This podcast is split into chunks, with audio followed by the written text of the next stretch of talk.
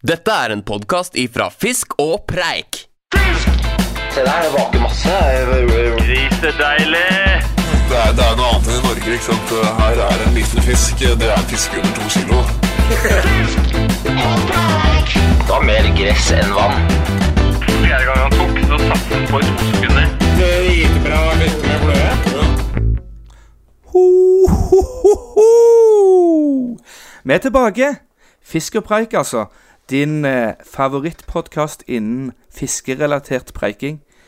Vintermørket kan være tungt selv for hardbarka poddere som oss. Men nå er vi som så fjærmyggen. Vi kommer sterkt tilbake når det går mot lysere tider. I den forbindelse så vil jeg gjerne lese opp et egenkomponert dikt. Vinterens dvale er snart forbi. Snøen, den smelter, legg bort dine ski. På vannet kan man snart se at det klekker. Det er fjærmyggen. Å, han er kjekke. Ørreten er sulten. Hva tror du han bestiller? Fjærmygg, så klart. Han blir jo heilt ville. Fiskeren er kelner og serverer på fat. CDC-mygg, en klekker, eller, eller palmer, så klart. Du fjærmygg, du fjærmygg, du er jo så digg. Hadde du vært ei dame, så hadde du fått deg et ligg.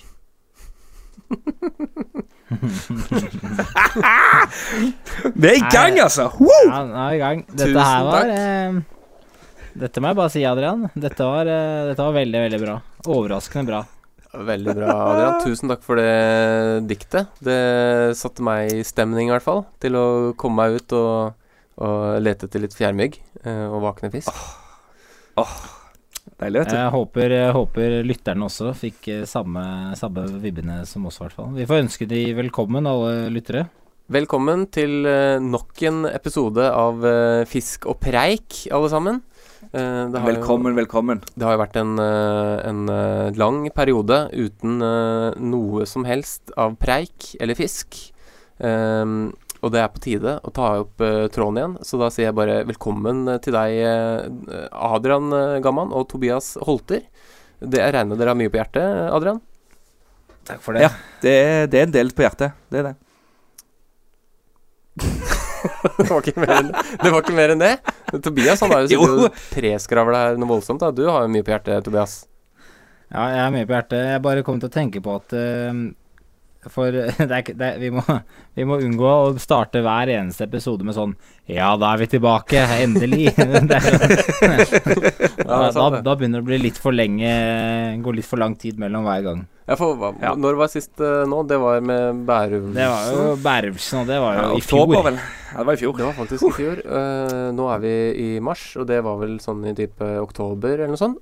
Uh, så da er det på tide.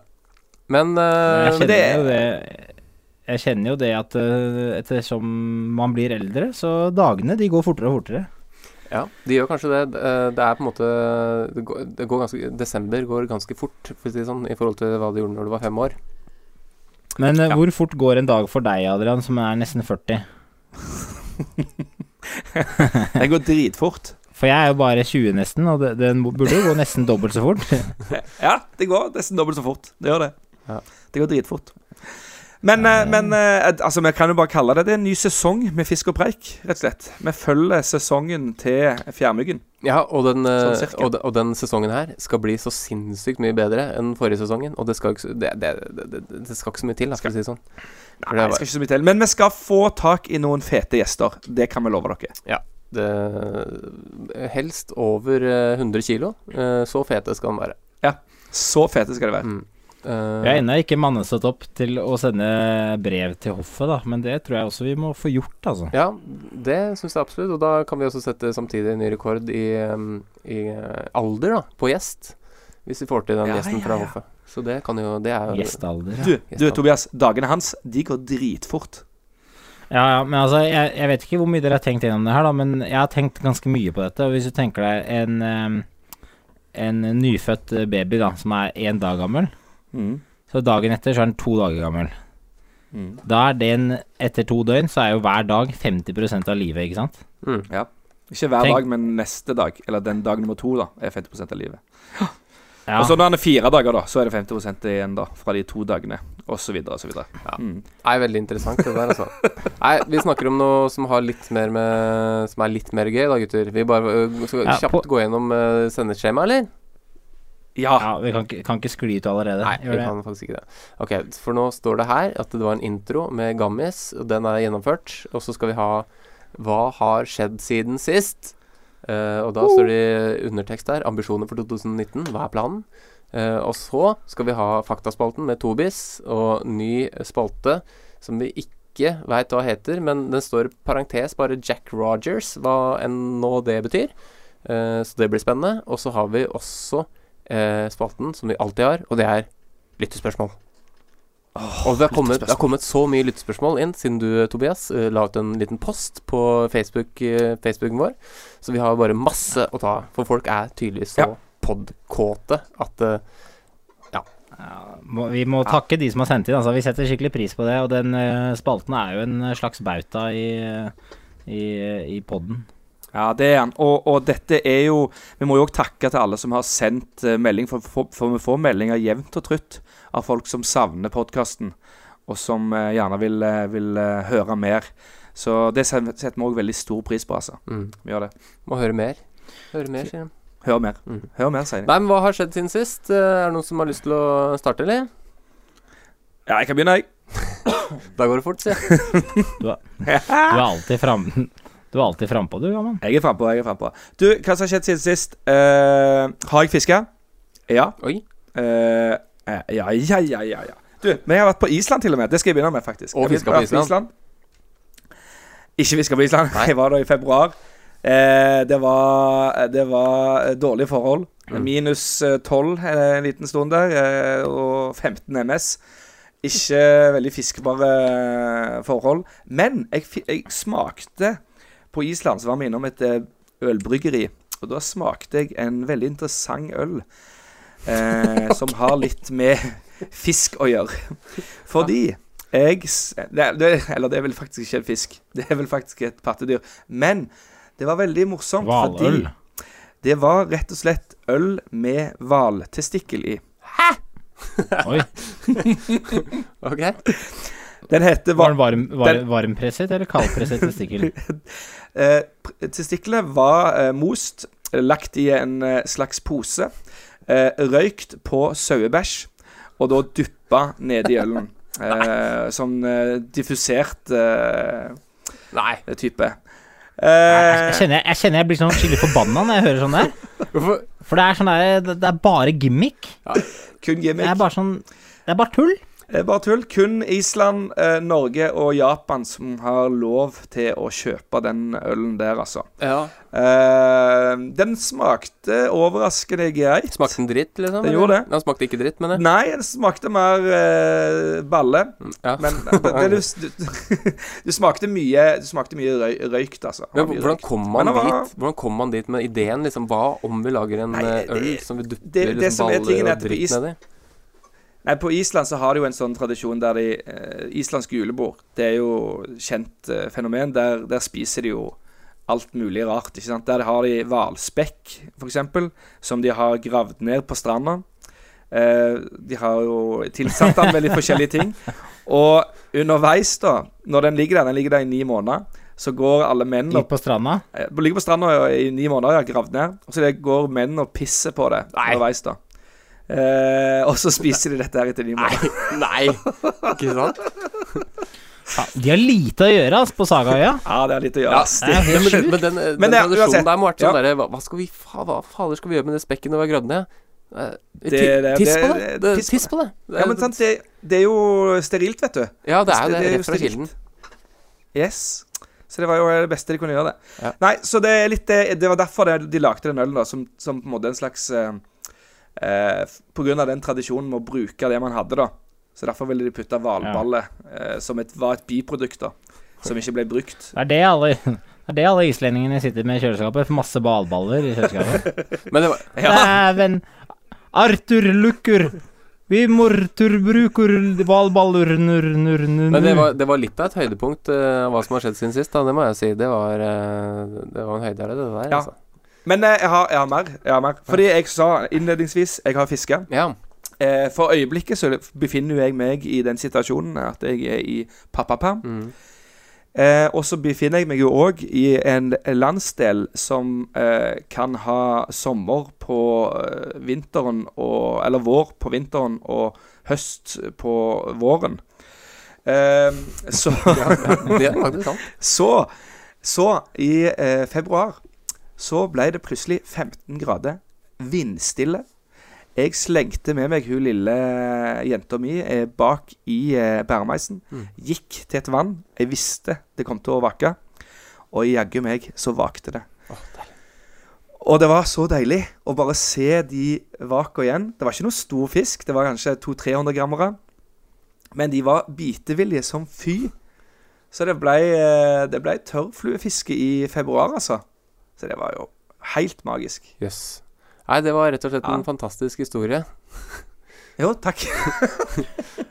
um, vil du, eh, som pappaperm, anbefaler du det, eller? For jeg har vurdert litt å gå til pappaperm, jeg òg. Ja, det vil jeg anbefale på det sterkeste. Og, og det, du, det du kan gjøre da, eh, det er jo hvis du klarer å få skaffa barnehageplass før pappapermen går ut, så har du gjort det optimale. For da sender du jo selvfølgelig ungen i barnehagen, sniker deg ut på fisketur, og så eh, henter du Så da har du da åtte timer med fiske, og så er det bare å hente ungen. Ja.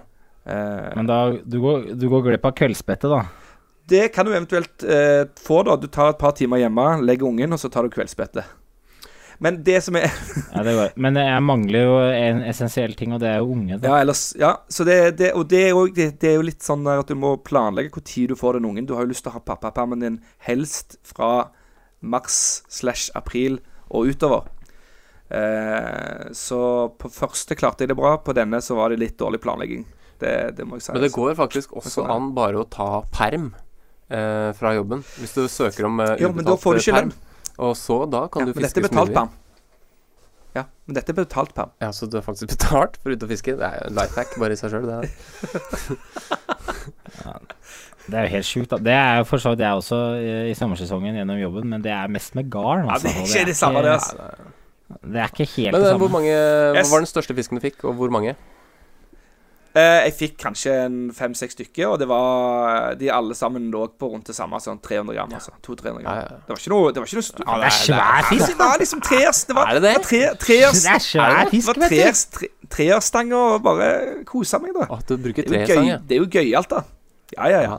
Det var jo gøyalt. Det, det er eh, på en måte et, Når folk bruker sånn eh, toer og tresang, så tenker jeg det er på en måte en eh, kompensasjon for at du får så liten fisk, tenker jeg da. Det er jo det. Mm. Ja, det er jo det. Så Det er ingen, det er ingen tvil om. Men det, det, det handler liksom bare om å få den første på tørt for året, og, og bare ha det gøy. Mm. Det er jo det viktigste på, på akkurat det fisket der. Jo da. Det, det, var ikke noe viktig med størrelsen. Nei, det, var liksom bare det, er, det er deilig bare å være ute. Uansett. Ja, ja, og så bare se, se, se, se vak og bare føle på, føle på tilslaget. Det er ingenting som er 200 Det er grams vak tidlig på våren. Nei, det er sant. Det Ja, er, det er deilig. Fø og føle litt på tilslaget. Fy faen, det er, ja, det er velstand. Ja, ja, ja. Du da, Tobias. Er det noe spennende som har skjedd siden uh... Nei. Jeg har jo hatt én isfisketur um, siden sist. Det var i månedsskiftet november-desember. Da banka jeg opp uh, jævlig mye røye. Tre røyer på tre, hek på tre hekto. Ja. Ja, men eh, Nei, det var ganske bra fisker, skjønner du. Jeg fikk ikke så mye store fisk, men det var noen andre som fikk uh, noe, noe pene pene Ja, det er gøy å se på så folk Det- som får stor fisk òg, da. Ja, det er kult å bare være der, liksom. Bare vite Ja, at de fikk den. Uh, det er sant. Men eh, Nei, um, og så kom jo snøen. Jeg har jo bosatt meg på Lillehammer, og her er det jo vært vinter siden desember, da, så jeg tatt opp den skiinteressen, egentlig. Så jeg har ikke tenkt så mye på fiske. Jeg har gått bare jævlig mye på ski. Ja, det, ja du, du har jo men tenk- kjørt uh, Vasaloppet og Birken. Har du ikke det? Vasaloppet. Å, Ja, ja. det stemmer. Hva har skjedd? eh, hva har skjedd? Hva, hva har skjedd? eh? har du fått en Ny interesse? Nei, eh, tanken bak det hele er at eh, jeg skal være i knallform til sommerens eh, fisketurer. Sånn at jeg, når vi går til camp, eller går til inn på vidda, da, så, så kan jeg pakke jævlig tungt og Mm. jævlig mye øl. Um, uten å ha en veldig stor belastning. Og det, jeg så det i fjor. Da gikk vi inn på Finnmarkssida. Da gikk jeg var vel drøye to mil inn. Gutta skulle pakke så lett som mulig. Jeg kasta en sekser oppi, Mm. oppi sekken. Og det som er så fordel da, med å bære tungt inn, det er at det blir, når, i hvert fall når du bærer øl, så blir det veldig mye lettere når du Ja, det, går ut det igjen. sant, Da. det. det er sant, det. Men altså, gutta, gutta var jo misunnelige når jeg satt der og knekte øl etter øl i, Ja, i, i leir. I leir, ikke sant? Nei. Nei, faen, jeg hadde jo faen meg slitt og gått over masse breddegrader og lengdegrader og Nei, jeg delte. De fikk, noe, de fikk noen øl, da, så Men Men uh, neste år skal Ja, jeg ta med kanskje enda vi skulle vi hatt ha En liten sånn konkurranse, for vi skal jo på en liten tur uh, på vidda til sommeren. Uh, så kanskje vi skulle hatt en liten sånn konkurranse med å ha med mest øl ut på vidda. Ja, det, det Ja, tror jeg du Det Det jeg gleder jeg meg til. Du, du får jo pakka sekken med alt du trenger på Mm. 20-25 kilo. Og så klarer du jo kanskje 15 kilo. Ja, jeg tror det. Altså, jeg, jeg, maks, eh, maksgrensa mi går på sånn 45 kilo kanskje til sammen. Kanskje 50. Jeg har gått innover eh, med 50 kilo på ryggen. Det går, men det går veldig sakte, da. Så Ja, det er derfor jeg Ja, trener, for det skal gå se. fort. Så når dere kommer, eh, dere kommer på natta, så er det liksom Ja ja, gutter, ve velkommen til leir. Her er det noen nystekte rødinger i panna og jeg gleder meg. Ja, men det blir en konkurranse i seg sjøl, det, skjønner jeg. Å gå fortest inn med mest på ryggen. Det blir, det blir topp. Men bortsett fra det, er det Mm. noen til å tenke på? Nei, nei, fiskerelatert er det svært dårlig. Jeg har så vidt bundet en flue. Fått meg hund. Ja, stemmer. Gratulerer. Eh, men uh, utover det så er det ikke så veldig mye å tilføye. Men jeg, jeg merker det at jeg gleder meg nå til uh, isen uh, går. Første 200-grammeren viser viser Jeg er fortsatt et sånn Ja, du kan kjenne litt på, til, du kan kjenne deg litt på Ja, det er det, tilslaget. Det er viktig å øve seg på 200 men gram jeg og har fortsette. Det er fortsatt sant, et- det. På tilslaget. Ja, det. Ja, Ja, de har så liten kjeft. De har så liten kjeft òg. ja, Veldig sant, det, vanskelig å det, det er sykt drit å, å drite seg ut på en, eh, på en ettkilos kilos eller to kilos, eh, liksom. eh, Hvis det, det er den første fisken du kommer over. Jeg syns ikke det er så dritt å drite med på én og to kilos, men sånn fire-fem Da syns jeg det er dritt. Du er cocky òg. Det er litt dritt. Nei, men eh, jeg har fortsatt et sånn lite prosjekt om å, om å få en ørret fra land i Mjøsa, da, og det Jeg kjenner at det, det har vært så sjukt kult å få det, men jeg gruer meg litt til jeg skal begynne å jobbe for det, for det tror jeg det er, er Ja, helvete. Det har du snakka om. Det der høres eh, det, Ja. det, det høres tungt ut, de greiene der. Men eh, jeg skal heie på deg, altså. Ja, det er et sånt prosjekt som bare står åpent, altså for å ta den tiden det tar, men det altså før, Ja, ja, før eller sen, som man sier. Ja, ja. Nei, så, du da, Lasse. ja den, nå, Du- nå har vi jo på en måte kommet til høydepunktet i, eh, i denne spalten, føler jeg. Hva har skjedd siden sist? For eh, mitt liv har jo vært eh, så interessant som det ga, går an å få blitt. Jeg har jo planlagt denne vinteren over lang tid, og det begynte jo eh, i, for et halvannet år siden med at jeg fridde til min kone, som nå er min kone, da. Og vi gifta oss, og Ja. den slue planen var jo selvfølgelig å dra på bryllupsferie den eh, vinteren eh, i, eh, ned til Mexico, da. Og fiske, selvfølgelig. Med kona. Men var det et sjakktrekk? Ja ehm, Jeg vil jo si at man eh, Hvis man er nødt til å gifte seg, så, så er det et sjakktrekk å dra Ja, for det følte du at du, du, du følte du var nødt til å gifte deg? Ja. Det, måtte, det måtte du. Det er klart, det. Så Altså, for at Lasse skulle få seg en tropisk fisketur, Det er så måtte han gifte seg. det er sykt da. Det er sånn der, ja, ja, derfor jeg ville til Mexico, da, så jeg gifta meg. Ja, du spurte jo meg Du spurte jo meg om ikke jeg skulle gifte meg, jeg òg, den uh, våren, så vi kunne dra sammen. Ja. ja Du er en nei, liten luring. Var, eh, jeg la på litt der. Vi, men vi var i hvert fall på um, Høydepunktet er vel at jeg var, var i Mexico et par uker. Eller Ja, det var vel 15 dager, var det vel. Så det var ikke sånn voldsomt mye. Men jeg var jo førstegangsreis på tropisk fiske. Um, og det var jo et sjokk, vil jeg påstå. Uh, å komme ned dit. Du har vært der tidligere, Tobias, nede i Belize, har du ikke det?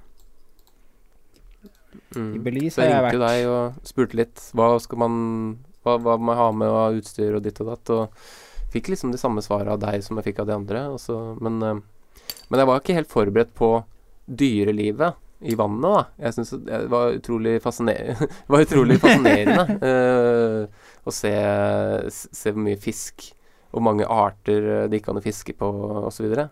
Så, de, to første dagene så, så, så gikk jeg egentlig Fløy rundt med sånn hodeløs eh, høns og fiska, da. Eh, litt sånn eh, uten mål og mening. Men jeg fikk jo masse fisk, da. Eh, men selvfølgelig ikke var noe stas for, eh, for de som, eh, som har vært der nede. Men jeg fikk litt sånne snapper og sånn. Det var litt sånn artig, på en måte, bare fått noe fisk. Men også noen små jacks, da. Som var sånn to-tre kilo. som var monstersterke. Jeg fikk helt sjokk. Hva er det her for noe? Grilla du de? Grilla du de på. Weberen? Satt rett ut igjen.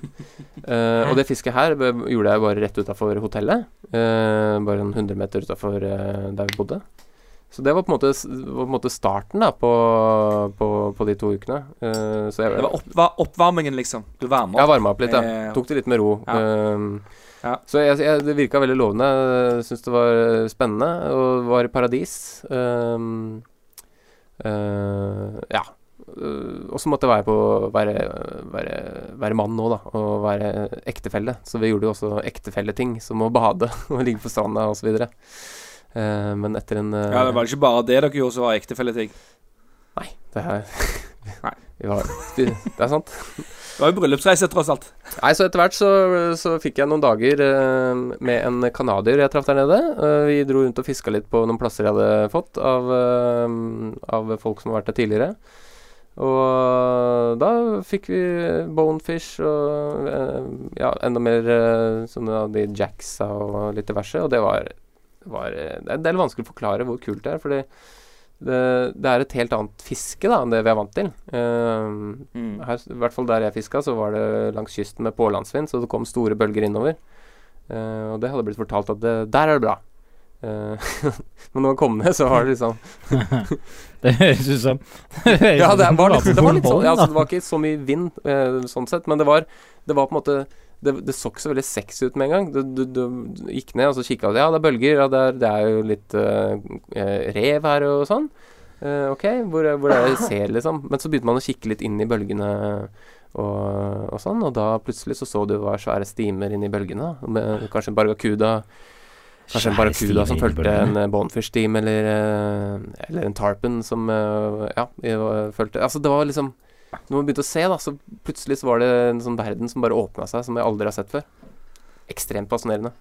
Ja, det var veldig Det er fascinerende. sjukt. Det er sykt deilig, da. Uh, Men uh, fikk du den sagnomsuste eh, nei, det gjorde jeg ikke. Jeg så permit Jeg tror jeg så tailende permit fem fisk, eller muligens samme fisk, én kveld.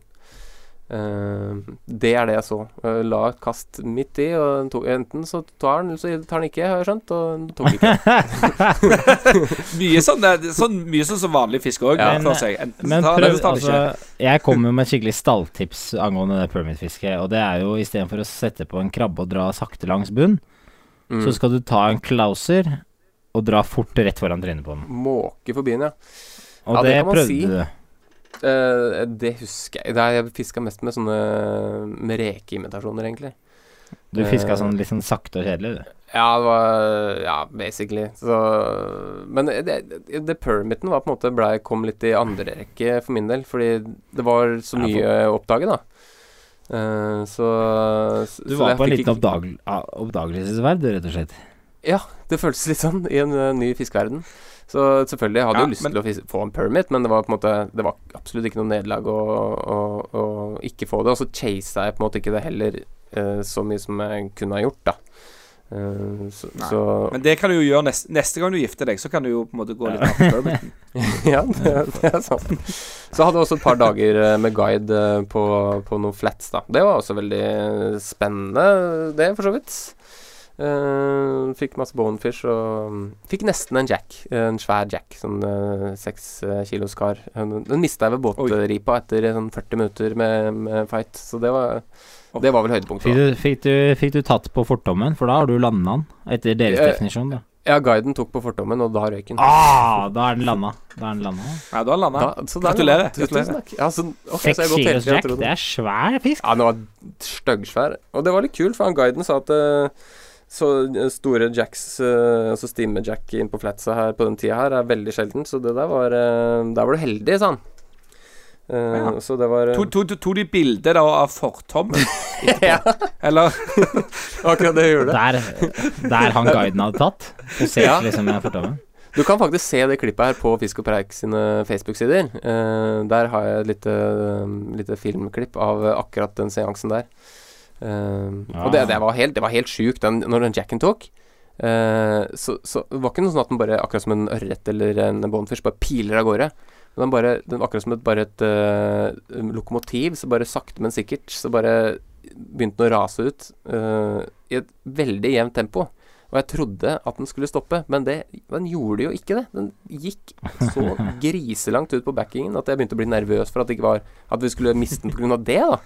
Eh, Ja, det husker jeg jeg så på det klippet, at du bare uh, We might have a problem here. ja, det var, det var liksom litt fjernt. Hadde blitt ja, nei. nei, altså, jeg har bare én ting å si, og jeg skal, jeg skal tilbake til, til Mexico eller et eller annet tropisk sted. For det, var, det er noe av det kuleste og diggeste jeg har gjort i hele mitt liv. Rett og slett. Og føler Jeg, ikke at jeg, jeg, jeg, jeg, har, jeg har litt lyst til å være med. Ja, det, vi kan ikke dra ned sammen da, gutter. Det er, det er rett og slett så deilig, og det er Det er Tenk på det, Ja, Tenk- helt annet. Åh, tenk på det. Feltpod fra, fra når vi står og ser inn i bølgene på kanskje en barracuda som jager noe bonefish, og bare oppdager ting sammen. Ja, det er helt fantastisk. Ja. Deilig. Det er helt fantastisk. Det. Og Og det, så kan vi formidle det på audio. det kan vi gjøre. Uh, og visualisere Prøve å visualisere det til lytterne. Nei, men det er eh, Det var kult. Det var rett og slett drittøft. Jeg kan nevne én ting til som var jækla kult, og det var eh, på Det var mye sånne korallrev, da. Som man, man føler at det er litt uh, dumt å gå på dem. Uh, for man, det skal man jo ikke gjøre. Men, men uh, det var der fisken var, da. Så uh, Alt for fiske. Og der var det så mye forbanna fisk. Svær fisk. Blant annet noe som het triggerfish. Det har dere hørt om? Ja, fikk du det? Nei, den tok jo flua. Jeg, jeg hadde jo Eller hadde på Hadde på en som eh, Jeg kan fortelle om det. det den to, var en jeg hadde på, etter eh, at det da hadde fem-seks takes. Når den først satt, så festa lina mi seg i noen koraller, altså i de steinkorallene, da. Uh, og da snappa den av etter hvert, da. Så det var en liten nedtur. Men de, de fiskene er ganske kule, for de driver og danser rundt i de bølgene, da, så du ser dem veldig tydelig. Uh, og går og plukker langs revet. Ja, og så har de mennesketenner. Ja, det ser ut som en Ja, sykt, eh, liten uh, toåring med Det ser- melketenner. Ja, ja det, det ser helt sjukt ut. Ja, faktisk det. Og sånn pigg på toppen. Det er kul fisk, men jeg tror den er sett litt ned på av de som driver med Eller som har vært mye ned, nede og fiska tropisk, da. Det er liksom ikke en sånn Det er, sik- det er sikkert som uh, vi ser på harr, men svenskene elsker den jo. Og vi er kanskje litt sånn uh, svensker i Mexico. Ja, nettopp. Vi er det. Og det er ikke noe nederlag. For det er, det er kult, Nei. liksom. Det er, det er eh, Kjempetøff. Kjempetøff. Alt er kult der nede. Til og med, til og med små snappers eh, Nei, det er ikke så gøy. Det må jeg innrømme. Det var litt eh, Ja. Så nok om det. Eh, Mexico, kjempebra. Annet fiskemessig, ja. Var ute og fiska Har vært ute et par ganger og fiska sjøørret. Blant annet for en uke siden. Kjempedårlig. Var ute i går. Kjempebra. Hva, når Ja, du sier største. kjempebra, hva er det, da? Nei, når man har null forventninger, eh, og vi var tre stykker da, vi fikk vel syv fisk og en del takes og sånn, eh, så syns jeg det var bra. Var det jo stort, da? 1,1 var den største. Småfisk. Ja, det var liten Ja, det er Men det var en fin start på, på sjøørretsesongen, da. Men det, det, den kakka dere i huet. Den ble kakka. Ja, det er bra. Og vet du hva? Det er, Eh, viktig. jeg, det er så viktig å, det er så viktig å kakke, ass. jeg, jeg satte ut noe Jeg ut all fisken jeg fikk, da. Uh, uh, rett og slett. Uh, men Simen, han kakka en fisk, og så ga han til meg. så jeg fikk Jeg kommer faktisk akkurat fra en bedre ørretmiddag. Akkurat spist uh, sjøørret til utrolig er Ja, det er herlig, dette, for Simen er allergisk mot fisk, Ja. og så kakker han fisken, og så gir han det til deg. Så det var veldig ja, snilt. Ja, det Da må du det spise av da. Da er det liksom Det er liksom bare det Ja. å bare få, få drept noe av og til. Det, Ja. det er godt. Det, det er sant, det. det. Det er sant. Og det kan godt være um, ambisjoner eh, for eh, 2019. Drepe mer. Ja, drepe mer. Mm. mer. Men jeg vil oppfordre Jeg vil oppfordre lytterne likevel da til å sette ut de sto fisk over halvannen. sett ut. Alt under. Kakk i huet. Skal vi gå videre i programmet, eller? Ja. Ja. Da Det skal vi. har vi har ikke noe jingle for det her, men vi har en liten, uh, liten uh, undernote på hva har skjedd siden sist. Det har vel ikke noe med saken å gjøre, men der står det Hva er ambisjonene for 2019 fiskemessig? Og Tobias, det er vel egentlig du som har kommet opp med det her, så jeg regner med at du har noe å si. Ja. Ja. Eh, jeg har eh, annet enn å ha ambisjoner om å fiske mer enn jeg gjorde i 2018, så har jeg et eh, sideprosjekt i Mjøsa som jeg har kalt for Veder 2019. Vederbuk. Og dere Skal kan ha vederbuk. Ja, så tanken er å bikke tank, Jeg har blitt den- den artsfiskeren, vet du. Tanken er å bikke to kilo eh, på flue i Mjøsa. Vedebuk. Å ja, det er svær vedbuket der, ja. Og eh, Ja, for jeg, jeg har sittet på, på lab litt i vinter og, og mm, undersøkt fisk da fra noe garnfiske i Mjøsa. Og da har vi fått noen vedebuker, sånne to, to og en halv kilos vedebuker. Og de ser jo helt rå ut. De er, de er svære, vet du. Jeg hører dere er skeptiske, men tenk en sånn varm sommerdag når ørretfisket er litt labert, og det liksom bare er kvelden som gjelder, og det er sånn det er mye venting, da. Mm. Så kan du gå i shorts og T-skjorte og wetwade på strendene i Mjøsa med en liten brødimitasjon og fiske to kilos vedebuk som går og sånn svaker på døgnfluer langs strendene. Hvorfor kan du ikke fiske med døgnfluer Høres ikke så gærent ut. Ja, jeg skulle akkurat si det. Hvorfor tar du ikke på en døgnflue, da? Eh, ja, kan det, da. Men det må klekke døgnfluer. da. Hvis ikke det gjør det, så fôrer du opp med brød, og så får du de på Glava-imitasjon. Ja, den er ikke dum. Den er veldig fin, faktisk. Nei, den er smart. Ja, Så klør det jævlig i munnen etterpå, da. Det er litt problem, da. Men Loff-imitasjon. Ja. ja. Ellers så bruker du bare noe skum, da.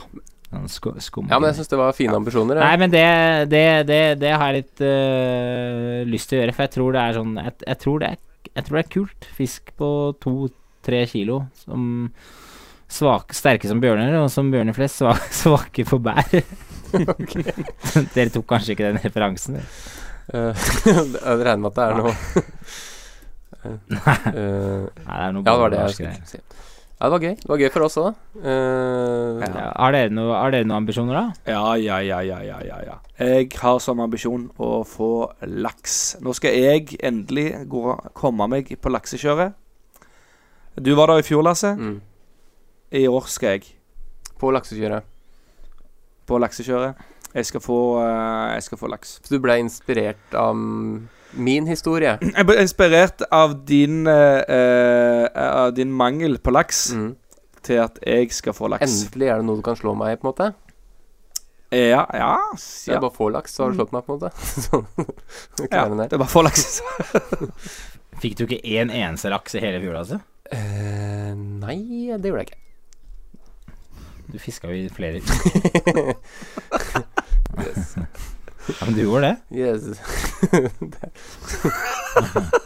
Er det litt ømt? Er det Ja, tema? det er faktisk det. Uh, det er det. Uh, jeg hadde på laks. Nei, den i lågen, det var Nei, det var stein. Å ja, du var Eh, Du har fiska i to år uten jo, laks? nei, jeg fikk laks året før. Da var det knallmasse laks. Da så hadde jeg så mye laks. Og masse laks. Nei da, men i fjor så fikk jeg vel ikke en eneste laks. Uh, nei, det er helt uh, riktig. Jeg, jeg brukte så mye tid laks? på laksefiske i fjor at det er nesten Ja, jeg blir depressiv av å tenke på det. Så jeg kan jo skli rett over til mine ambisjoner, eh, Adrian. Bare sånn inne på det der. Så har jeg ambisjoner om å ikke fiske laks i år. Og det er helt sant. Da kan du selge alt uh, utstyret ditt til gammel. Ja, Det kan jeg. Billig, Kan jeg. du. Har en nydelig tohånds. du jeg skal ikke fiske med tohånds. Det skal jeg ikke. Altså. Nei, ok, så det, du er ikke en ekte laksefisker? Jeg skal kjøre. Nei vel. Jeg skal ikke være ekte laksefisker. Nei. Nei. Men uh, det var ambisjonene dine. Laks. Laks. Jeg skal fiske ørret. Uh, jeg er ferdig med laksegreiene. Det kan hende at det blir et par kast. Bare, bare slenger det uti. Bare ta et par sveip, liksom. Bare for å sjekke. Men, eh, men, men bortsett fra det, så Jeg, jeg, jeg tror det er beste taktikken, for da, da tror Det, jeg du det får er det laks. Ja. Du må ha veldig lave skuldre og bare egentlig gi litt beng. Uh, det tror jeg er taktikken. Men, men uh, helt seriøst, så ambisjoner Jeg har, jeg, jeg er veldig gira på gjeddefiske i år. For det var ikke så veldig bra i fjor. Eller det var ikke bra. Det var ikke bra. Eh, Ikke du husker bra. det, Tobias? Ja, det var ganske eh, begredelig, hele La på opplegget. 100% dårlig. Så hele fjoråret var egentlig bare dårlig. Så hvis bare det året her kan bli bedre enn det var i fjor, eh, så er jeg egentlig ganske fornøyd, altså. Men en gjedde over, som akkurat det du hadde som mål for et par år siden, gjedde over 100 eh, centi, var det ikke det du hadde, Tobias? Det hadde jeg. Det er ambisjoner for i år. Og svær, svær ørret. Tok en uke, det, så satt den der. Så, så sånn er det. Og kanskje, kanskje ørret på tre. Det er digg ambisjon å ha. Det er 3,2, for da slår jeg Ja, det er rekord. I Norge, da. I Norge, I Norge. På sør for Trondheim. Sør for Trondheim, selvfølgelig. Mm.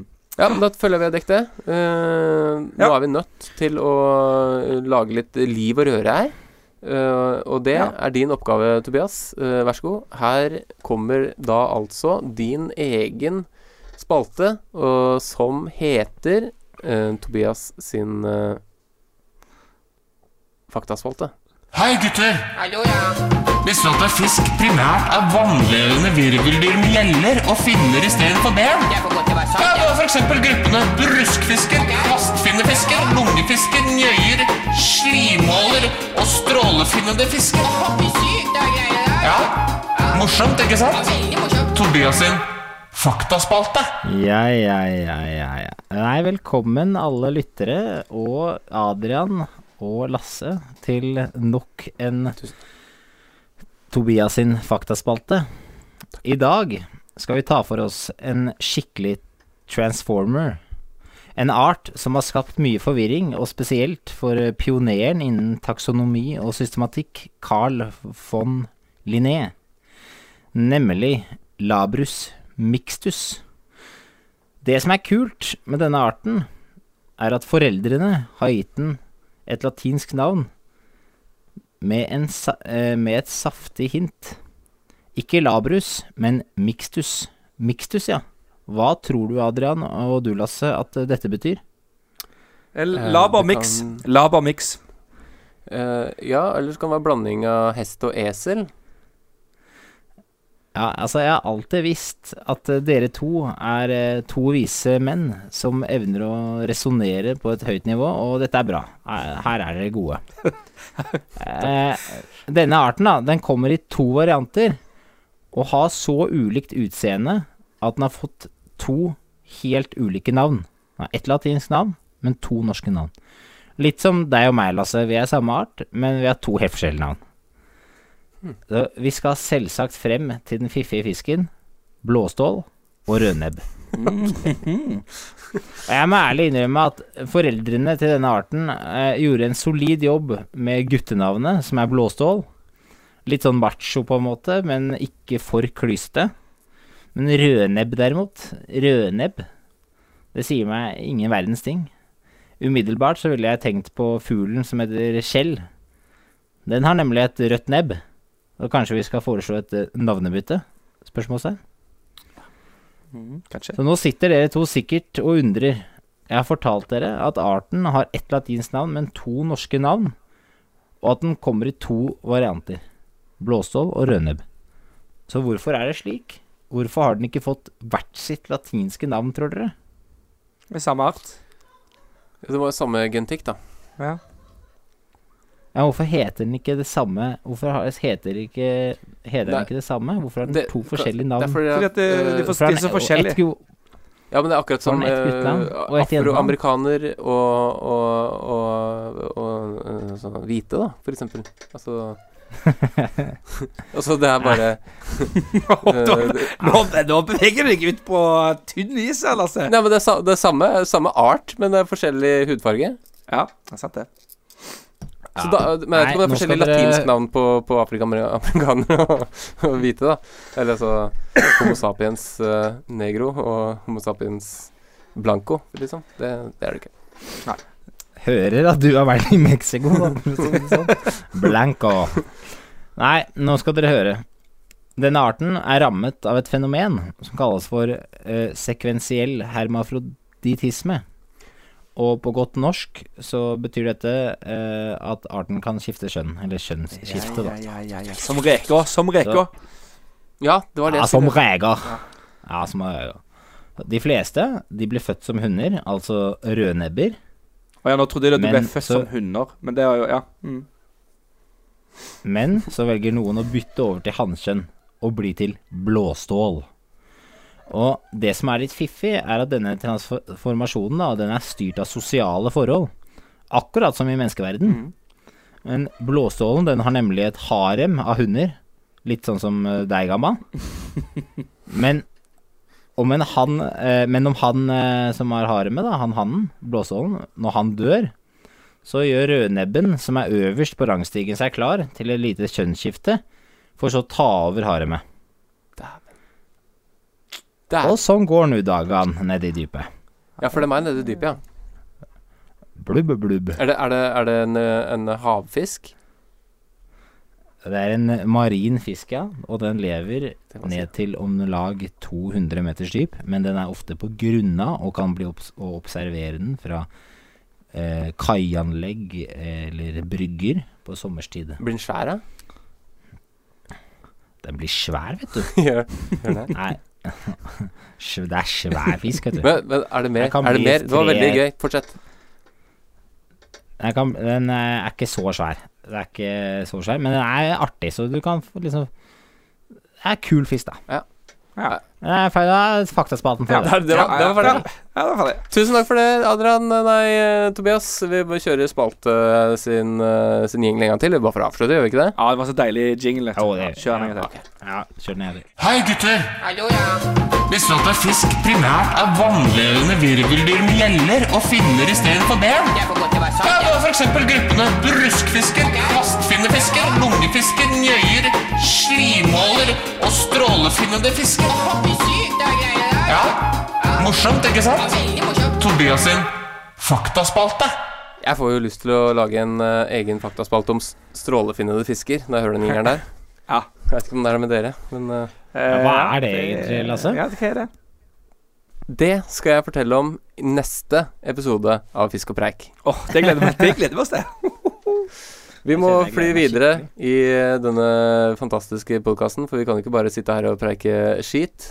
Vi må også ha ordentlige spalter, eh, og nå har vi jo rett og slett en ny spalte her, eh, gutter. Ah, det blir spennende. Ja, dette her har jeg gledet meg lenge til å mm, vise lytterne, for dette var jo en spesiell opplevelse som vi hadde nede på en brun pub i Oslo. Ja, ja, ja, Vil du fortelle om det, Lasse, eller skal jeg ta en kortversjon? Nei, ta kortversjonen, du. Ja. Nei, så det var jo uh, trist og dystert ute og mørkt i desember, og vi uh, møttes i byen og bandt litt fluer og tok et par øl nede på en brun pub. Og da kom vi i snakk med en uh, amerikaner som akkurat hadde fløyet til Norge. Og han het Jack Rogers. Fining det der. Fining det der, altså. Ja, altså, du bare erkeamerikansk type, da. Mm. Og han var jo kjempefiskeinteressert, så vi, vi tok uh, mobiltelefonen og la på bordet og kjørte et lite sånn in pub-intervju da, av han. Mm. Og vi syns vel at det ble såpass uh, interessant og lærerikt, og ikke minst morsomt, at vi valgte å Eller velger å, å sende det her, da. Skal vi bare Så vi kan vel bare sette over til uh, Jack Rogers. Welcome to you, Jack. Rod- Rogers. Jack Rogers, welcome. Jack. thank, thank, thanks, thanks, guys. It's really awesome to be here in Oslo for the first time. I flew in from Colorado just this evening, and you know, it's just freaking awesome to be here. Thanks, guys. Thanks a lot. Uh, you're welcome. We are, you're welcome. So, uh, how was your flight? Yeah, it was great. You know, the ten, she offered me everything from whiskey to you know, uh, a- beer, uh, everything. I was super drunk over the Atlantic, but uh, you know, when I landed, I was like, fuck yeah, I'm drunk. I'm not drunk anymore. I'm going to fish and talks. yeah, that's that's that's where I am now. And so yeah, yeah, yeah. So fish and talks. That's uh, that. That i- that is what you call us in the in the states. Yeah, I guess so. I went to Google Translate, and uh, that was what came up. You know, Ah, so you translated every episode. Every episode I've translated. I, I love you guys. You know, you talk about everything from salmon to trout to you know pike. I love pike, man. I I, I usually I I guide for pike in uh, you know Colorado and Missouri and everything. Yeah, so I I, I Ah, know so a lot you about have that the, fish. You have the pike in in the U.S. Yeah, lots of pike, man. You know, you should see the trout and the pike fighting in the Colorado streams. In the, it, it's awesome, dude. They fight for the, the, the spawning places in the in the spring, and I, I, t- I tell my clients, you know, gotta go fish there. Gotta go fish there. Autumn, uh, spring, winter, whatever. It's a big trout, big But, but uh, uh, fucking pike, and uh, is there yeah. is there any seasons? Uh, is there any seasons for the trout or pike, or is it is it trout or pike all the time? That's a big thing in USA. There's no seasons, you know. Uh, we usually go Christmas time. I'm sorry. I'm sorry, Jack. but okay, uh, let's get serious again. Uh, you said your clients, so you're a professional fishing guide in the US. Well, US. my brother usually takes me out, and uh, I join. Okay. I also have some okay. clients, but you know, it's uh, usually we talk in Facebook forums. You know, uh, we talk a lot about pike fishing, getting out there, trout, doing the trout. thing. I have no clients, to be honest, but I have future clients. Ah, future af- clients. a- after this podcast, yeah, okay, so- probably. okay, yeah, yeah, so, yeah. yeah. But Uh, you, you, you, you're talking a lot about pike and trout, and I'm wondering what's your favorite species? Is it trout or pike, or is something else maybe? Um, it's tuna in the summer. Do they have tuna in Colorado in the summer. in the summer? Yeah. Are you, you you have tuna in the summer? Yeah. but Uh, uh, we don't know. uh, well, so the, the tuna the tuna season in Colorado is that in early the summertime uh, only, or It's really big actually in June because that when that's when the um, the big uh, what do you say uh, um, mackerel steams. Yeah, mackerel steams, mackerel schools, schools Oh, of that's- mackerel. It's a similar. Uh, It's uh, we, Yeah, we we know say, mackerel. Yeah, we know ma- mackerel. mackerel. Uh, schools schools of mackerel? it yeah? swims up the river, spawns. You know, Oh, so And, uh, mackerels is the mackerel is uh, uh, it spawns in the rivers in Oh, in uh, Massachusetts actually. Oh.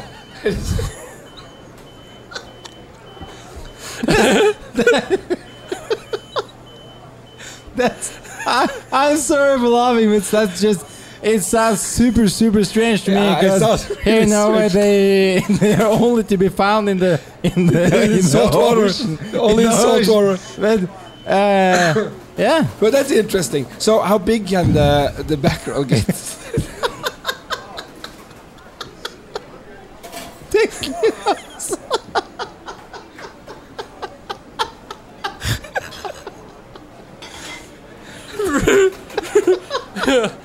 That's a funny question, man. it gets.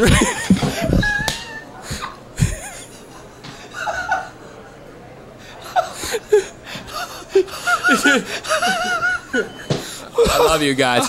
You're so funny. It, it's laughing all the time, and uh, you know. really uh, sorry, Tobias. just just uh, uh, flew off his chair. He, ju- he, he actually fell off his chair Fell because his he was laughing so hard. but but I, I'm super, super excited to hear about how you got into fishing from Well, the beginning.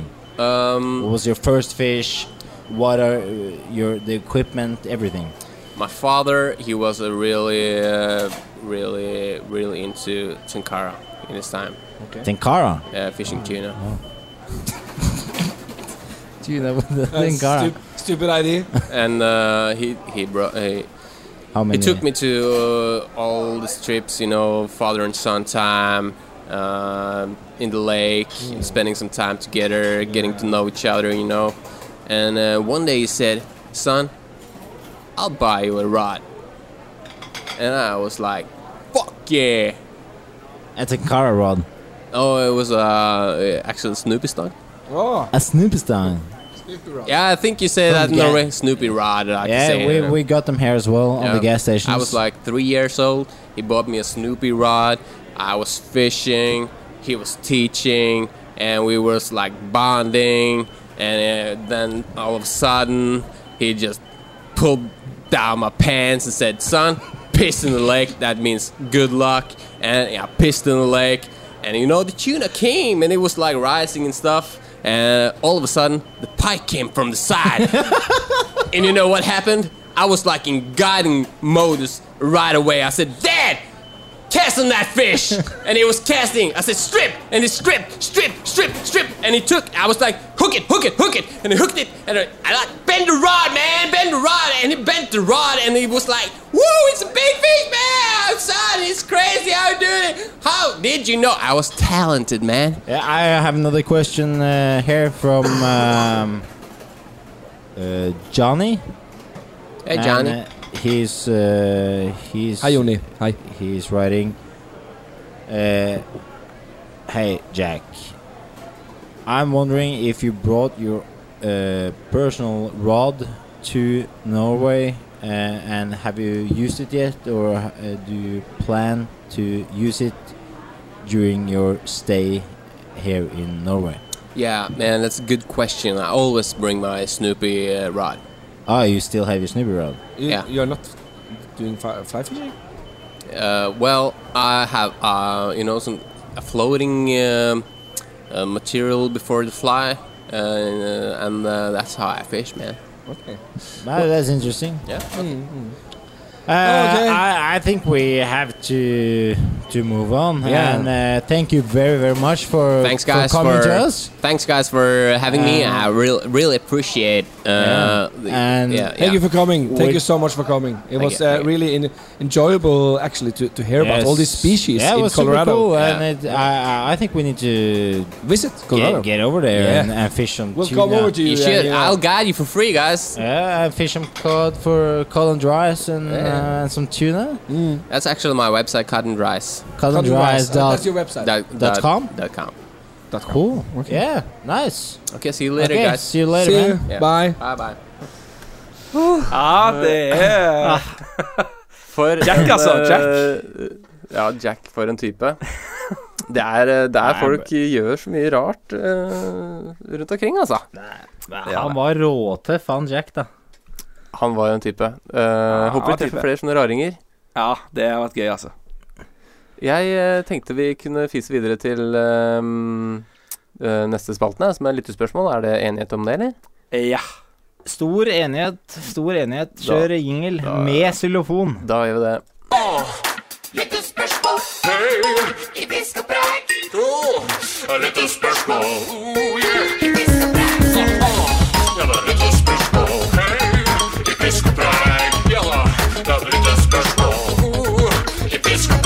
Og preik. Lyttespørsmål. I pisk og preik. Ja, ja, ja. Velkommen, kjære lyttere, til uh, lytterspørsmål. Dette er spaltene hvor vi tar opp deres spørsmål og gir dere svaret. Som et slags Fordi- ekspertpanel. Det finnes et svar. Det finnes alltid et svar, og det, det skal dere få av oss. Så Lasse, bare sett i gang med det første lytterspørsmålet. Det skal jeg eh, gjøre, og jeg eh, har eh, vi, vi fikk jo så mye lyttspørsmål eh, etter at du la ut en liten sånn Hei, hei, vi skal legge ut ny podkast snart. Eh, det kom inn en bølge med lyttspørsmål, så jeg begynner bare eh, med et eh, spørsmål her.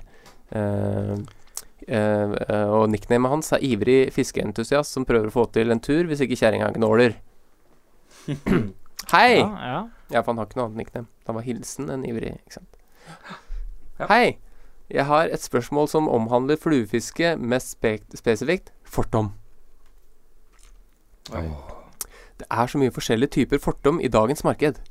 Fluorokarbon, mono osv. osv. Hva funker best? Har det noe å si på hvem type fisk du fisker? Min mening tror jeg ikke fiskene bryr seg i det hele tatt om det er ditt eller datt. Nå er jeg en sjøørretfisker som fisker med fluorkarbon, og det ser ut til å holde etter mitt bruk. Hva bruker dere? Hva er mest holdbart i saltvann? Hilsen en ivrig fluefiskeentusiast som prøver å få til en tur hvis ikke kjerringa gnåler om alt mulig annet. Hei, hei, ivrig fluefiskentusiast som prøver å få til en fisketur hvis ikke kjerringa gnåler om alt annet. Hei, hei. hei. Det er interessant spørsmål, uh, men utrolig lett å svare på. Å? Ja, altså, fortom er fortom. Det er bare å hive, knytte på noe og, og måke ut. knyte på noe og håpe at det holder, liksom. Nei da, men um, Hvis du ser for deg at han, å- han, han lurer faktisk på det her, da. Hva er hva, hva, Gi ham et, et bra svar nå, Tobias. Kom igjen. Ja, ok, ok. Nei, det fins mange merker og, og forskjellige tykkelser og farger og det som er. Det jeg ville gjort, det er å prøve litt forskjellig til du finner noe du på en måte trives med. Som er godt å knyte med, som har en stivhetsgrad som du liker. um, og som bare kommer i praktiske pakninger. Bare sånne enkle ting som det. Og å kjøre full lengde, altså full fortom med fluorkarbon, det Personlig gidder jeg ikke det, for det Du har ikke råd til det, mener du? Så, jeg bruker jo ikke så mye fortommer, da, men det er jeg, Nei, jeg er, eh, da kjører jeg like så godt en, en eh, mono, men jeg tipper på sjøørretfiske, så tipper jeg alltid Altså tippet-materiale, det er som regel eh, fluorkarbon. Og da um, Jeg tror også det handler litt om å ha lang nok fortom. Det, det er ikke så mye du Det er jo ikke alltid du Det er så visuelt når du fisker i sjøen, men jeg kan se for meg at hvis du legger lina di over en sjøørret, kan lett bli skremt. Mhm. Det, det, det, Det er- den, den teorien det- støtter jeg. jeg. Sier, jeg sier ikke at det skjer, jeg, jeg sier at det er noe jeg tror, da. Så med, med litt eh, prøving og, av tykkelser og, og div, div, div og med Det er jo selvfølgelig litt sånn væravhengig og fluevalgavhengig, men jeg prøver, jeg prøver nesten alltid å kjøre opp imot to stanglengder da, med fortom. For da, Ja. minker, hvis du, da minker du sannsynligheten også for at du lander At du liner en fisk. Jeg tar gjerne, Hvis det blåser veldig, så tar jeg gjerne ned til 1,5, jeg, altså. For da er det Da, Ja. da har det ikke så mye å si heller, øh, føler jeg. Eller du skremmer mindre fisk, gjerne. For det er så mye bølger eller så mye vind på, på overflaten. Så da tar jeg gjerne ned til 1,5. Men når det kommer til holdbarhet-greiene, er det ikke fluorkarbon som har den beste holdbarheten, da? Fordi at mono, den, den råtner jo. Ja, det Ja, kan, altså kan stemme. Jeg har ikke Jeg skal ikke påstå noe bastant, men det er det de, si, det er det de sier, da. At eh, fluor holder, eh, holder kjempelenge og ikke råtner i samme grad som mono gjør. Og jeg har spoler som er mange år gamle med fluor. De holder, holder bra. Men jeg har også vært borti spoler som eh, Og så har det borti med spoler spesielt i tynnere diametere, da, som, eh, som har vært på en måte føltes ut som de er pill råtne rett fra butikk, da. Ja. Ehm, om det er produksjonsfeil, eller om at det er jeg som er sterk, eller det vet jeg ikke, men det ehm, Ja. Men jeg vil i hvert fall anbefale å, å prøve litt forskjellig, og så finne noe som, eh, som du liker. Og så ville jeg eh, holdt meg til fluor i tippet, da. Men I hvert fall i Vi kan du snakke litt har- om hva preferanser ja, Unnskyld, altså. Jeg bare, vi kan jo snakke bitte litt om preferanser vi har på, på størrelsen på, på uh, fortommen.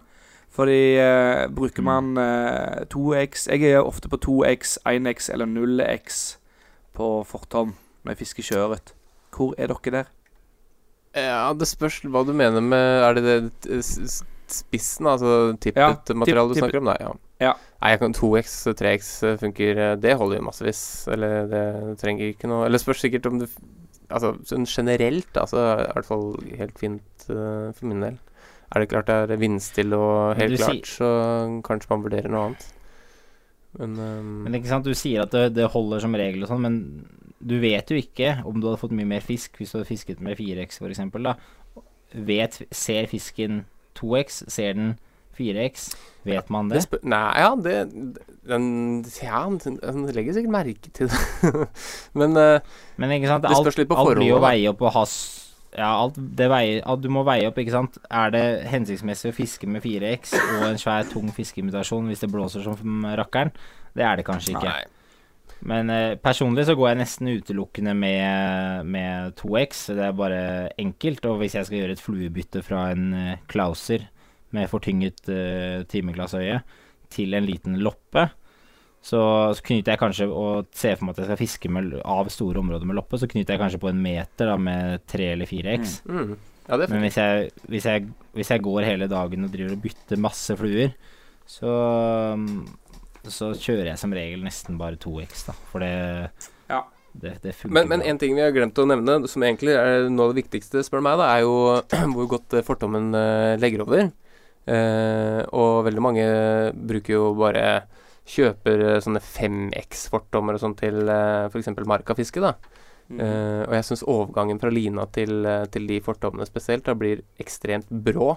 Det blir som en slags uh, knekk, på en måte. Ja, for det blir så Eh, lite, plutselig.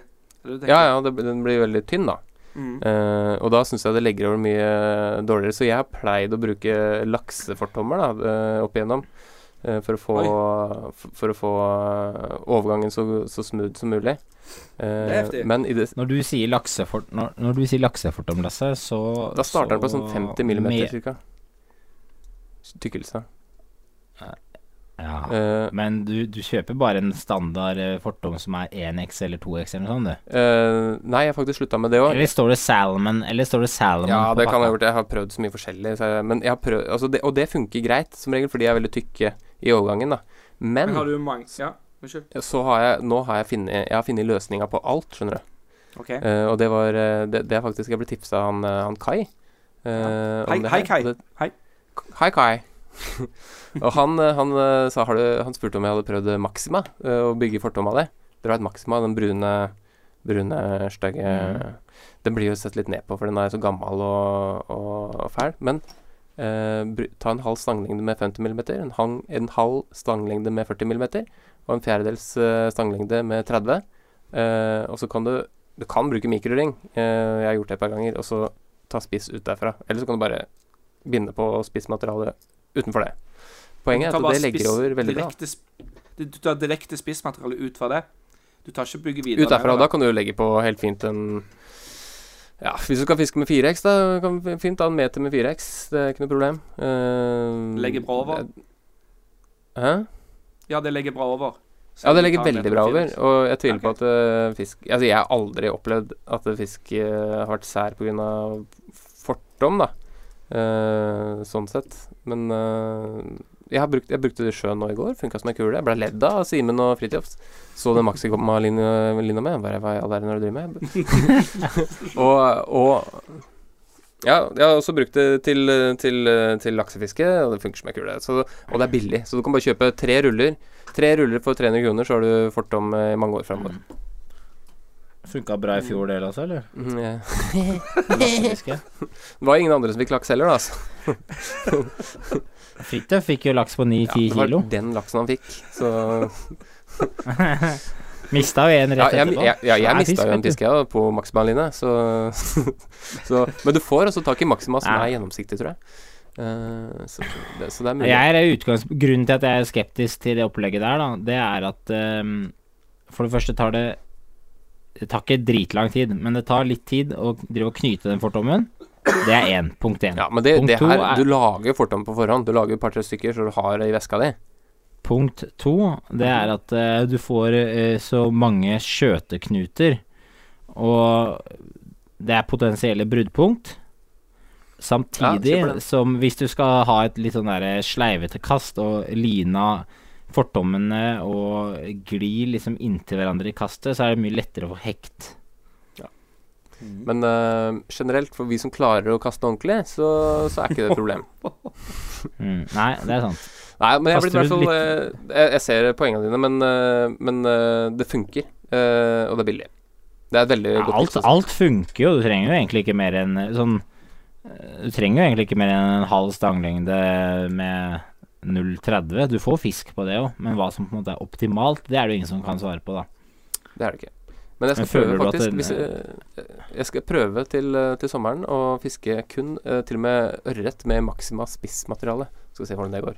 Tjukk, Ok. tjukk spissmateriale. Det. Det er, et, eh, det er en heftig ambisjon å ha, altså. jeg lurer på hvor lenge Nei, men eh, jeg, jeg tror vi har besvart uh, spørsmålet grundig nok. Jeg Ja, føler at han har et oppsett som eh, Som i hvert fall jeg ville vært komfortabel med å bruke. Og, og kanskje gå litt opp på lengden hvis du bare står og josser rundt med ni fots fortom. Så ville jeg kanskje økt den lite grann, da. Ja. Det, det er i hvert fall greit når du fisker ørret og har litt øh, lang fortom. Jeg, jeg, jeg foretrekker det. Jeg syns det legger øh, godt over og ikke plasker svært hvis du har kort Ja. fortom, fortom. Så kan du ha tendens til å splæsje mer. Ja, det er litt sånn tilvenningssak. Eh, Etter hvert så Hvis du bare fisker med halvannen til to lengder, så, så er det det som er lett å, å kaste med etter hvert. Absolutt. Skal vi ta noen flere spørsmål, eller gutter? Ja, jeg har et eh, her fra North Coast Fishing. Det er jo vår kjære lytter som har vært med oss fra starten. Hello. Um, Hello. Hei. Den her er Det er litt ehm, Det er jo et litt gammelt spørsmål, men, eh, men det er jo relevant for meg, i hvert fall. Hei, preikekuttene. Takk an, Hvis man sender han på skrivekurs. Takker for en fin høstpod. Eh, jeg har vært ute og lusket langs Strandtorget i Lillehammer med enerstang og tørrfluer den siste uken. Her har jeg brukt 7X spiss på fortommen og røket fisk så det holder. Dritstor harr! OSV. Punktum. Hva er grei tykkelse til mygg og små vårfluer? Hilsen Eirik. At Så det er nytt fortomsspørsmål, altså. Så, så tjukk som uh, det går an å dytte gjennom uh, uh, hølet på flua. Det er et kjempetips. Ja. Men eh, enerstang langs Strandtorget, det, det høres eh, lugubert ut i utgangspunktet. Ja, det ville kanskje gått opp et par stangklasser. ja. Ja, men det er dritsvær harr der, da. Er det, å, det er, det er dritsvær harr òg, ja. Ja. Men det er ikke det, vet du. Nei, eh, 7X det er bare tull, da, i mine øyne. Det er noen sånne ihuga hemsila-fiskere som sverger til 7X. Ja, men- det må de slutte med. Men eh, Nei, 7X det er aldri eid. Kommer aldri til å eie. Eh, du, det, det, altså det ryker bare du ser på det. Ja, det, det, ja, det er Så- riktig. det ryker bare du snakker om det, si. Ja. Sikkert, vi har sikkert røket masse 7X allerede. Ja, så kan vi ikke bare innføre en ny regel? Alt under 4 Nei, alt over 4X er ikke noe vits. Nei, det er tull, rett og slett. Da, da har dere du blitt kan- lurt. Ja, men du kan sette på 5X hvis du skal ha litt spenning, da. Ja, det blir bare for spenning. spenning. Men det er kun for spenning. Kun for økt spenningsmoment. Ja. Ja. Mm. Nei, så 4X, kanskje 5 hvis du skal ha litt mer spenning. Ja Nei, men det var Greit eh, veldig ålreit svar. Takk. Takk for spørsmål. Takk for spørsmål. Uh, Adrian, har du noen spørsmål, eller? Ja, jeg kan ta et spørsmål her. Eh, Hei, godt å se at dere knekker i gang igjen. Podkasten er en liten del av løsningen på mitt problem i hverdagen. Jeg flyttet fra Indre Troms til Bergen i fjor og lider nå av fiskedepresjon. Før var det en spasertur til eh, Barduelva med femmerstanger og en svipptur til gode lakseelver, ørret og røyvann. Jeg har ikke fått ørret over 300 gram på tørt siden jeg flyttet, og fjorårets sesong var for tørr til at det var noe fart på laksen på Vestlandet. Jeg betalte dyre penger for to dager i Bolstad og fikk en laks det siste døgnet. Elven lå åpen på en enhånds. Det viste seg å være en laks nummer 22 for sesongen. Hva faen, liksom. Nummer 22 for sesongen i den elva, da, tydeligvis. Ellers mister jeg nå binderommet som følge av familieforøkelse i midten av juni. Bra timing.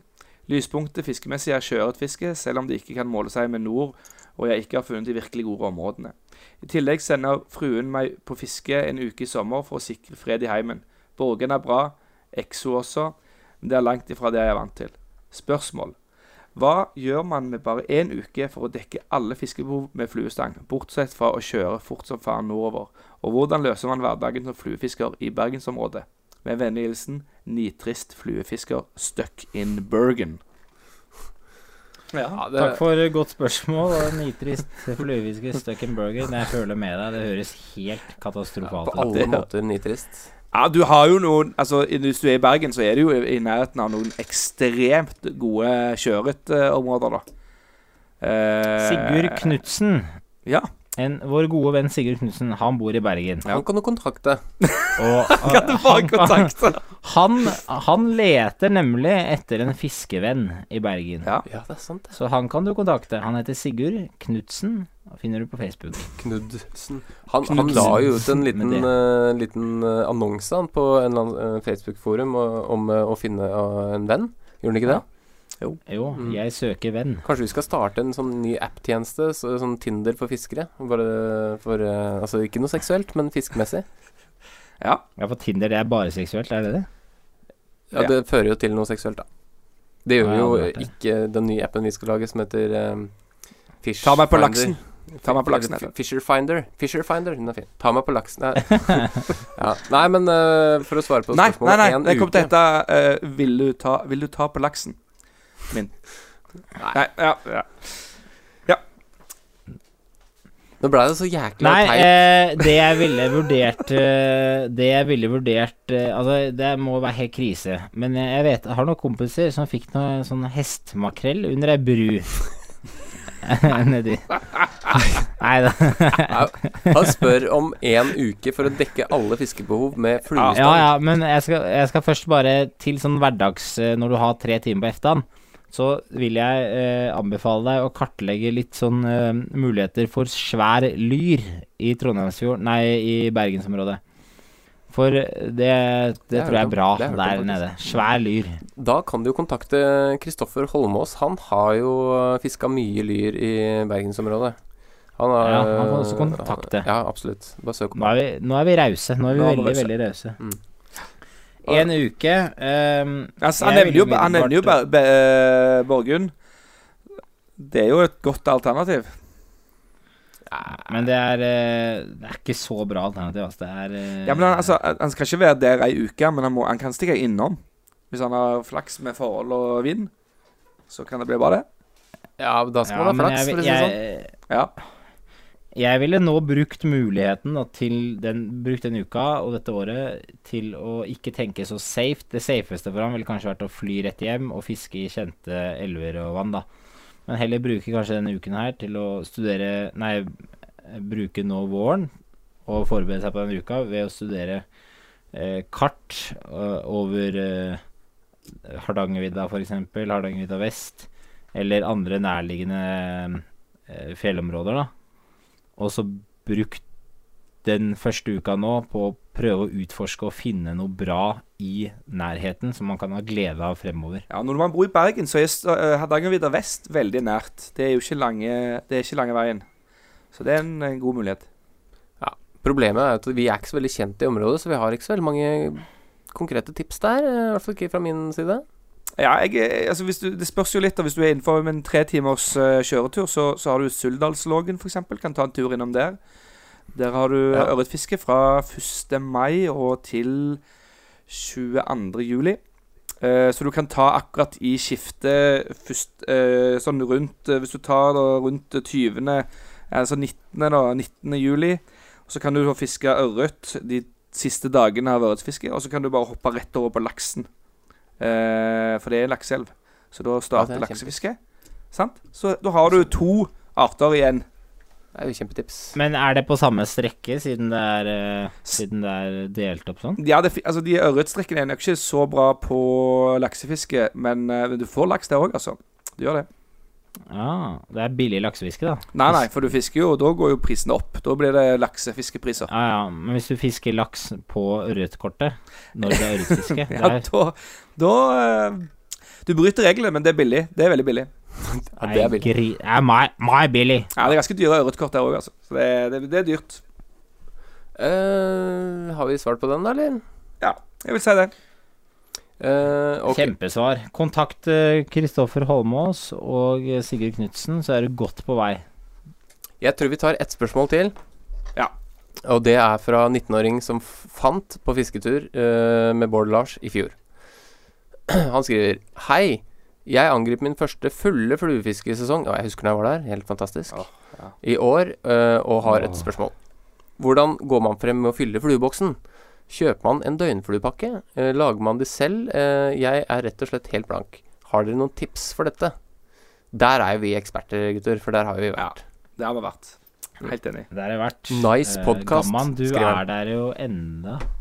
Ja, men det, det, som, Ja. det, som gjelder, det, det som gjelder, det er jo å bruke denne tiden av året på å sette seg så mye inn i denne fantastiske sporten som fluefiske er, som man kan.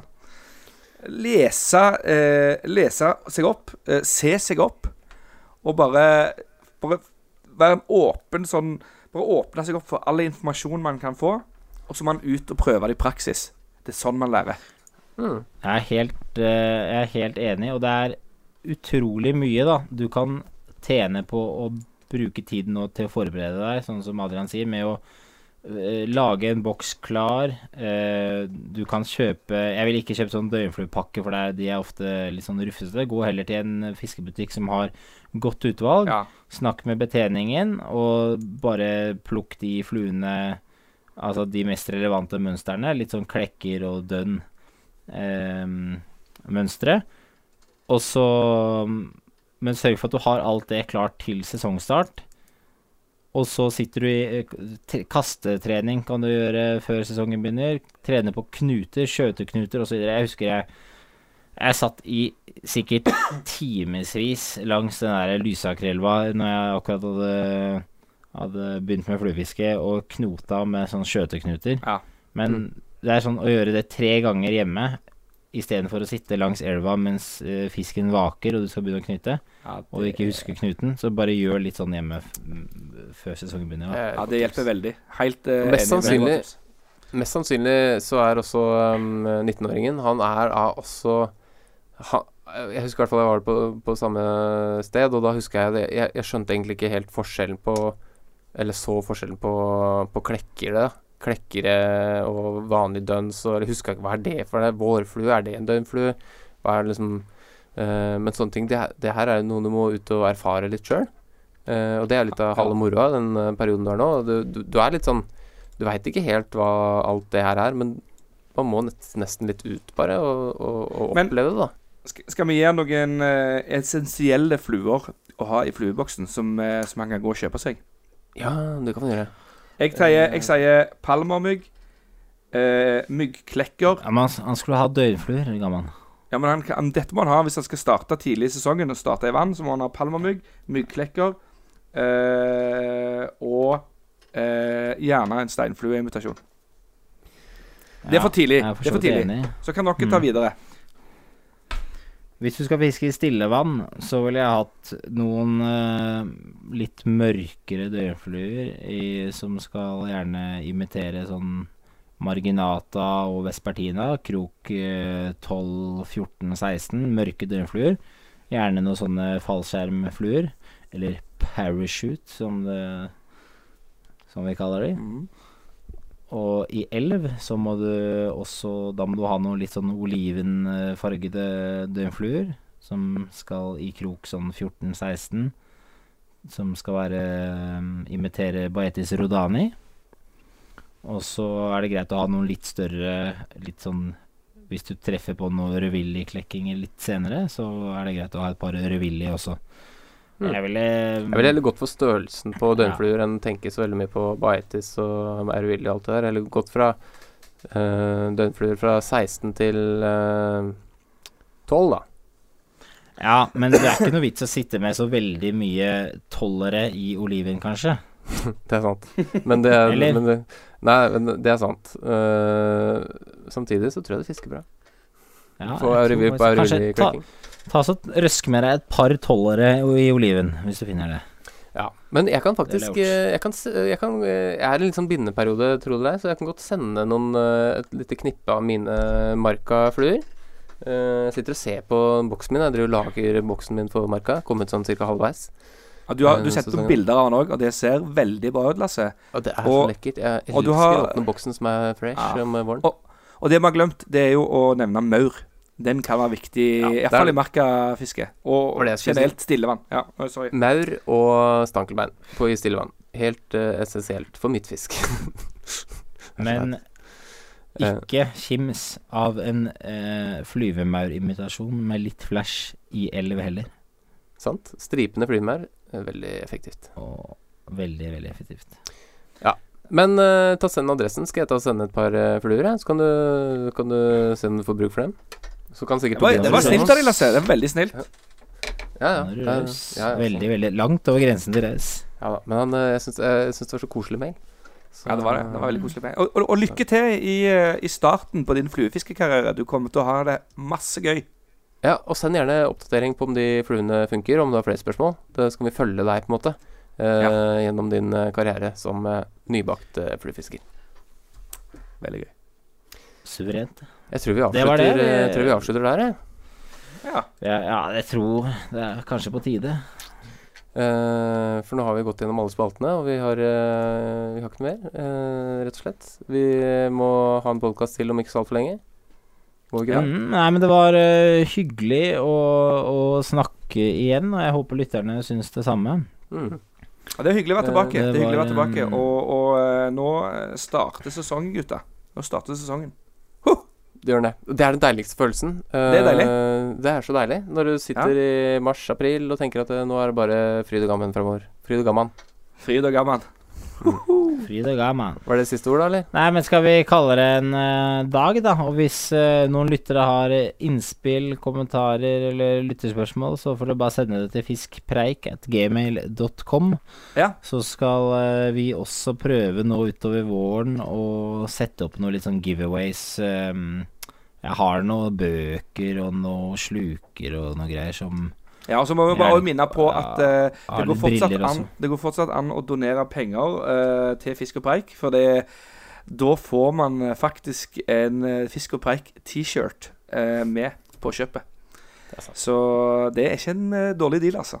Eh, gå inn Nei, på Facebook-sida vår for å se hvordan det fungerer. Nei, men det er bra, det. Takk for i dag, gutter. Takk for i dag. for i dag. dag. Ha det. Ha det. Ha det. Har du bidrag eller spørsmål til oss i Fisk og preik, send mail til fiskpreik at gmail.com eller via våre Facebook-sider. Husk også å sjekke ut hukt.no og Hukt pluss.